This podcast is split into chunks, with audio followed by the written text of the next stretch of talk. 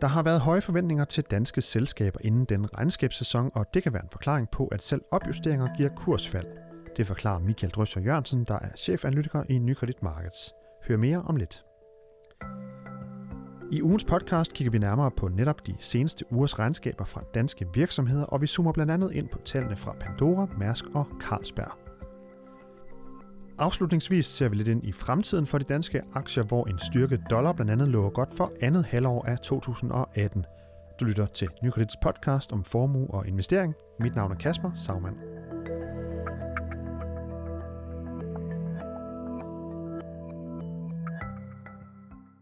De børsnoterede danske selskaber har aflagt regnskaber. For de flestes vedkommende har det været for første halvår af 2018, og vi kan nu danne os et overblik over, hvordan det går for nogle af landets største virksomheder. Det har været et halvår, der blandt andet har været præget af aktieuro i USA i starten af året, og det danske OMXC 25-indeks har også haft en lidt omtumlet tilværelse.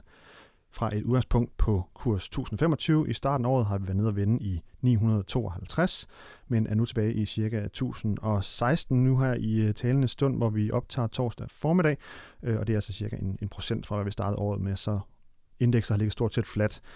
I dag her i podcasten, så kigger vi lidt nærmere på, hvordan det står til med de danske aktier, og derfor kan jeg byde velkommen til dig, Michael Drøsser Jørgensen. Velkommen til. Tak for det. Chefanalytiker i Nykredit Markets. Så Michael, du sidder jo og dækker nogle af de her danske, store danske børsnoterede virksomheder tæt og holder øje med, hvordan det går og sender anbefalinger ud til kunderne osv. Og øhm, regnskabssæsonen startede her officielt omkring 1. august, kan man vist sige, og nu så godt som slut for de selskaber, Nykredit dækker, der er øh, et af dem kom her tidligere i dag, Almindelig Brand. Det snakker vi øh, ikke lige om lige nu her, øh, og så kommer der Royal Unibrew næste uge, men vi dykker ned i nogle andre. Men lad os først lige tage sådan det overordnede blik på den her regnskabssæson med, med halvårsregnskaberne. Hvad har været sådan kendetegnet for de øh, regnskaber og reaktioner, vi har, har set øh, i den her omgang, Michael? Der har været, øh, vil jeg sige, ganske høje forventninger til, øh, til den danske regnskabssæson, og det, det er nok et udtryk af, at, at C20-indekset, der er, der er en høj andel af selskaber, som er, er førende inden for det, de laver, og som i, i nogen udstrækning er ganske uafhængige af, af den globale økonomi. Så der har været meget høje forventninger. Det betyder også, at hvis ikke du indfrier forventningerne, så øh, bare skuffer en lille smule, så er der afregning ved, ved kasse 1. Vi har, vi har set et par eksempler. Koloplast og William Demand Holding, som, øh, som begge har leveret fin vækst og egentlig opjustering af årets guidance, men, men begge aktier er blevet straffet på dagen, fordi de, de ikke har kunne, kunne leve helt op til de, til de opskruede forventninger, der har været. Men det er vel ikke noget nyt, at de her selskaber, nu Koloplast og William Demand, du nævner, de, det er vel noget, de længe har siddet, eller en position, de længe har været i, hvor de har været førende. Øh, men hvordan kan det være, at, at øh, altså, er det altid sådan, at resultaterne er skruet højt, eller forventningerne er skruet højt op til dem, eller hvordan? I, i, i, en, I en vis grad, ja. Altså nu, er vi så, øh, nu har vi nogle niveauer efterhånden på nogle af på aktierne, hvor øh, de, de er oppe i sådan det, vi kalder høj multiple aktier. Øh, og der skal jo leveres hver eneste kvartal, eller så, så bliver der afregnet ved, ved kasse 1. Og det er det her med, hvor meget man betaler for en krones indtjening? Er det sådan, ja, altså det er jo det, vi kigger på de her PI-multipler. Hvis, hvis de er meget høje, så skal du levere, ellers så så, så falder kursen på, på dagen. Det siger ikke så meget om den langsigtede case, kan man sige, men, men øh, mange af de her selskaber, som, som egentlig leverer god vækst, de, øh, de er blevet priset højt efterhånden, fordi det er det, investorerne gerne vil have. Øh, og hvis du så ikke helt kan leve op til, til forventningerne, så, så, så falder kursen. Men omvendt er der også øh, nogle regnskaber, som, øh, der var, som ligesom, hvor det går den anden vej, kan man sige, hvor de egentlig er, øh, er steget selvom de øh, er kommet med nedjustering? Ja, altså et eksempel er jo, er jo Mærsk, som, øh, som var ude at nedjustere, øh, og, og aktien øh, stiger så med omkring 6,5 procent på, på dagen. Og det er jo så et udtryk for, at, at, øh, at ja, investorerne havde frygtet noget værre, kan man sige, og, og at de så nedjusterer, det, øh, det, der kommer sådan lidt en suk, at det måske ikke var værre, end det var. Øh, så, så ja, der er begge retninger. Så en, en regnskabssæson, der er lidt præget af nogle, nogle lidt større kursreaktioner end normalt, eller hvad? Ja, jeg synes, ja, måske lidt. Måske har der været nogle lidt kraftige reaktioner, men det er igen også, fordi vi er, vi er på nogle niveauer. Øh, primært nedadrettet vil jeg sige, at reaktionerne har været kraftige, men det er igen, fordi vi er på nogle niveauer, hvor der ikke rigtig er plads til at, at skuffe. Og hvad er det, der har gjort, at vi så er kommet op på de niveauer egentlig? Jamen nu har vi jo haft øh, et, et, et bullmarked i aktier i mange år, øh, lave renter osv., så, så, så, så der er opskruet forventninger, og, øh, og det er en af grundene. Hvis vi lige øh, går lidt ned i, i tre af regnskaberne til at starte med, øh, vi har talt om det her lidt inden vi startede, og den første vi kan kigge lidt på, det er Pandora, altså smykkefirmaet her, som kom med, med, med tal for, for halvåret her 9. august. Men et par dage inden, der øh, var de ude og, og egentlig allerede at give en forsmag, eller sådan set næsten afsløre alt, hvad de ville sige i, i det her halvårsregnskab. Øhm, og øh, på baggrund af det, så faldt aktien øh, 24,4 procent, og det er jo ret usædvanligt, kan man sige, at en af de store danske børsgiganter øh, falder så meget på en dag. Hvad, hvad, hvad tænker du om hele den her øh, affære med, med Pandora egentlig? Jamen, jeg tror, grunden til, at den, at den falder så meget på dagen, det er jo ikke, det er jo ikke hvis, man, hvis, man, ligesom regner på selve nedjusteringen, så er det måske dobbelt op i forhold til, til det, den burde. Øh, udfordringen er jo, at de, de længe ikke har ville afsløre nogen salgstal, øh, og der har været bygget noget, hvad skal man sige, en, en større og større mistillid ind i, i aktiekursen. Og så er der simpelthen, øh, når, når de så kommer med sådan en nedjustering, hvor de i øvrigt ikke vil forklare, hvad der ligger bag nedjusteringen før tre dage senere, jamen så er der så nogen, der simpelthen giver op og, og smider aktien. Øhm, og, der, og derfor falder den måske mere end, end den ud fra tallene reelt burde. Hvordan, øh, hvordan kan det være egentlig, at den, at den falder så meget? Altså, hvad er det for nogle investorer, der, der siger øh, farvel og tak? Og kan man sige noget om det? Øh, jamen, det er jo svært at give et bud på, men, øh, men der er simpelthen nogen, som, øh, som ligesom giver op, og hvis, og hvis der er tilpas mange af dem, så, jamen, så får den så et, et, et ekstra tryk i forhold til, hvad den burde. Øh, og, det, og det er jo så den her, hvad skal vi kalde det, mistillidsdiscount, øh, som, som bliver større og større. Men det er jo ikke første gang, vi ser øh, store kursudfald omkring Pandora. Hvad er det, der gør, at, at den øh, er sådan en, der virkelig kan, hvor det virkelig kan gå markant op og ned egentlig? Ja, øh, altså, for dens vedkommende, så er det jo et spørgsmål om, at man i lang tid ikke rigtig har vidst, om man købt vækst, øh, eller om man købte positiv vækst eller negativ vækst. Og hvis man går fra et scenarie, hvor man har troet, at der var, der var positiv vækst til, at det, at det ikke længere er en, en vækstforretning, jamen så, så skal det koste på, på multiplerne også. Og derfor så får du en, en, en større reaktion, end, end, end det vi egentlig skal, skal lægge ind øh, bare ved estimatændringer. Og et par dage efter, der kom de altså med regnskabet, og så øh, fyrede de jo deres øh, direktør, og øh, der, der steg aktien så, øh, og, umiddelbart, det, umiddelbart efter det også. Bare lige sådan her afslutningsvis, Pandora, hvordan, hvordan ser du lige sådan uh, Pandoras en status for Pandora nu her, hvor de altså har justeret deres forventninger og har udskiftet lidt i ledelsen. Hvad, hvordan ser det ud for Pandora sådan lige fremadrettet umiddelbart? Jamen altså, hvis de, man kan sige, hvis de skal leve op til deres nedjusterede forventninger, så skal de faktisk stadigvæk løbe øh, ganske stærkt i, i anden halvår. Det er også en af grundene til, at der stadigvæk er, er øh, mistillid til, øh, man kan sige, til aktien i, i markedet.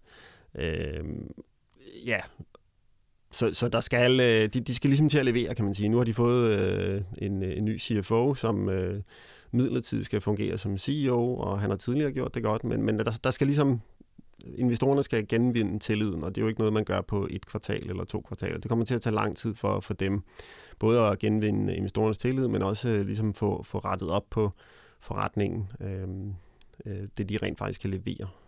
Vi må se, hvordan det går med Pandora. Lad os øh, gå videre til, til Mærsk, som kom med regnskab torsdag i sidste uge.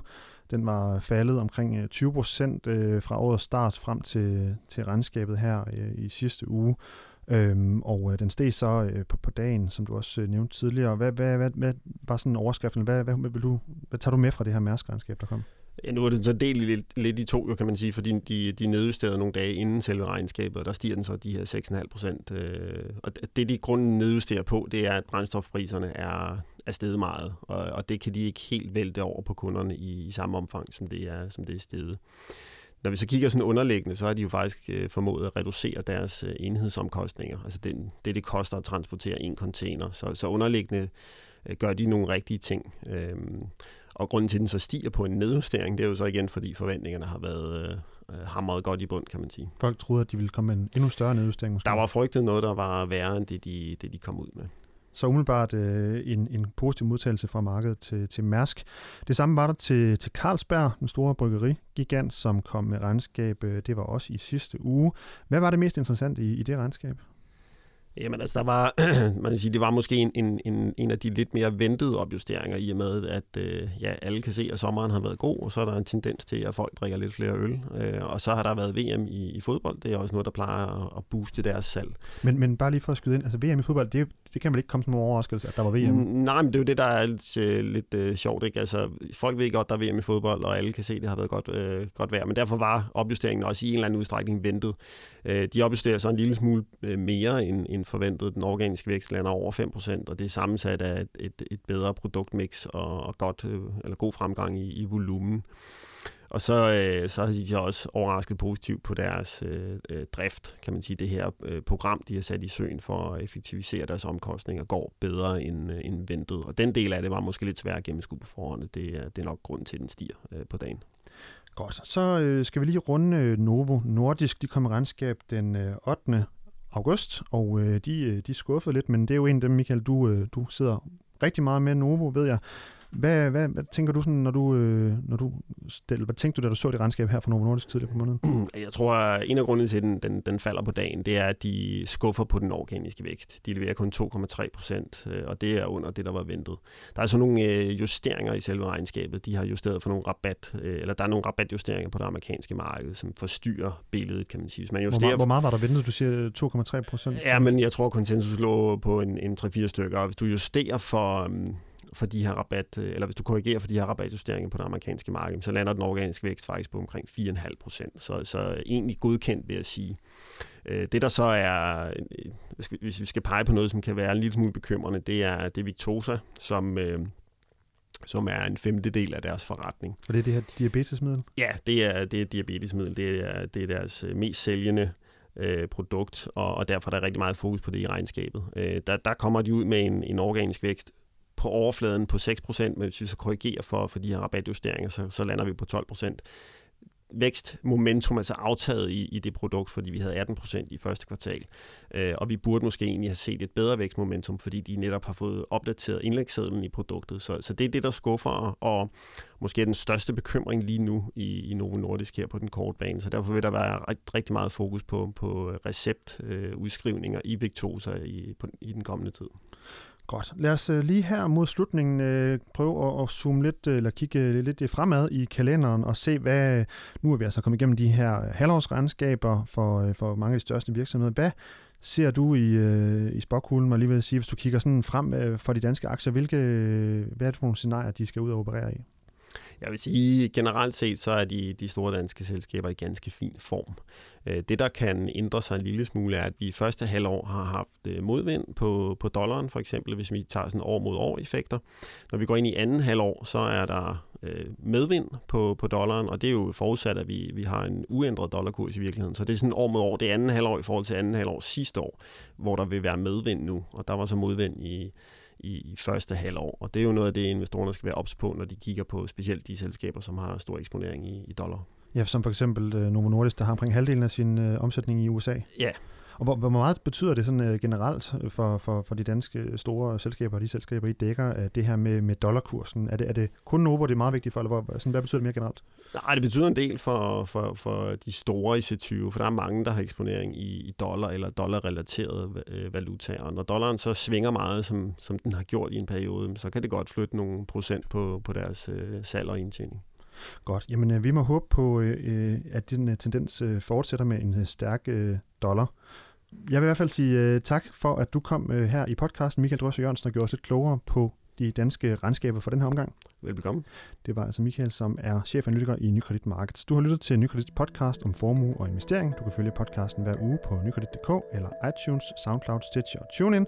Hvis du har idéer til emner, vi skal tage op i podcasten, kan du sende en mail til podcast Tak fordi du lyttede med.